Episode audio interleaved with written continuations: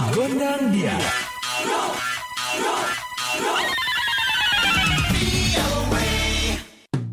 Halo halo Sobat VOA, kembali hadir VOA Gondang Dia bersama Dewi Gemini. Dan Ronan DC pastinya dari VOA di Washington. Sobat VOA, imbas pandemi COVID-19 dirasakan lebih berat pada restoran kelas atas yang mengandalkan pelanggan untuk datang dan menikmati sajian mewah.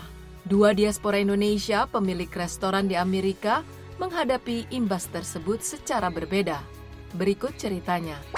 Pandemi COVID-19 menghancurkan industri restoran. Padahal industri tersebut mempekerjakan lebih dari 15 juta karyawan dan diproyeksikan menghasilkan sekitar 899 miliar dolar tahun ini. Menurut data National Restaurant Association, Asosiasi Restoran Amerika. Ketika negara bagian New York harus menjalani pembatasan sosial berskala besar, Yono terpaksa menutup restorannya mulai 16 Maret. Ya kita harus tutup karena kita kan pandemic. Nah kemudian saya bilang, kita mau jadi apa nih? Kita mau nggak bisa to go karena fine dining kan untuk to go nggak nggak lucu gitu. Nah akhirnya apa? Kitchen kita kita buka untuk charity. Yono, koki lulusan NHI Bandung, kemudian mengubah bisnis restorannya menjadi Feed Albany. Bekerja sama dengan para pemilik restoran lainnya, badan amal itu menyediakan makanan kepada warga yang membutuhkannya. Dalam sehari, organisasi nirlaba itu bisa menyiapkan sampai 1.500 porsi. Mereka melakukan itu tiga hari seminggu. Dana operasional didapat dari sumbangan yang berdatangan dari berbagai sumber.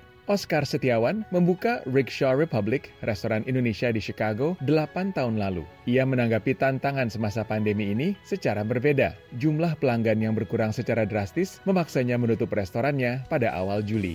William Wongso, chef dan pakar kuliner Indonesia, mengakui pandemi ini pukulan yang luar biasa keras bagi dunia restoran dan sangat tidak terduga pandemi tidak banyak memberi peluang kepada pengusaha restoran menggunakan kreativitas dalam industri kuliner. Sekarang itu realita, bukan soal kreatif. Sekarang gini, orang itu kalau sudah nggak bisa ke mana-mana, kembali lagi kalau urusan makanan, dia akan kembali kepada comfort food. Dia akan mau makan makanan yang dia familiar, makanan sehari-hari, bukan makanan yang fancy. Sejauh ini, Yono bertahan dengan Feed Albany. Walaupun pasrah, ia tetap optimis. Tapi kita harus positif ya, karena apa? Karena ini, ini kan usaha kita dan our life ya, jadi kita harus berusaha dan berdoa. William Wongso mengingatkan banyak perubahan yang harus diterapkan dalam bisnis restoran kelas atas. Tetapi ia tidak bisa memperkirakan seperti apa situasinya pasca pandemi. Keadaan ini ekonomi harus jalan, prinsipnya ekonomi harus jalan, risk itu tetap ada, tinggal presentasinya masing-masing jaga-jaga. Namun yang pasti, keinginan orang menyantap bervariasi makanan tanpa harus repot masak sendiri tidak akan hilang.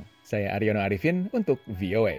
Baiklah Sobat VOA, semoga informasi ini dapat bermanfaat. Kita pamit.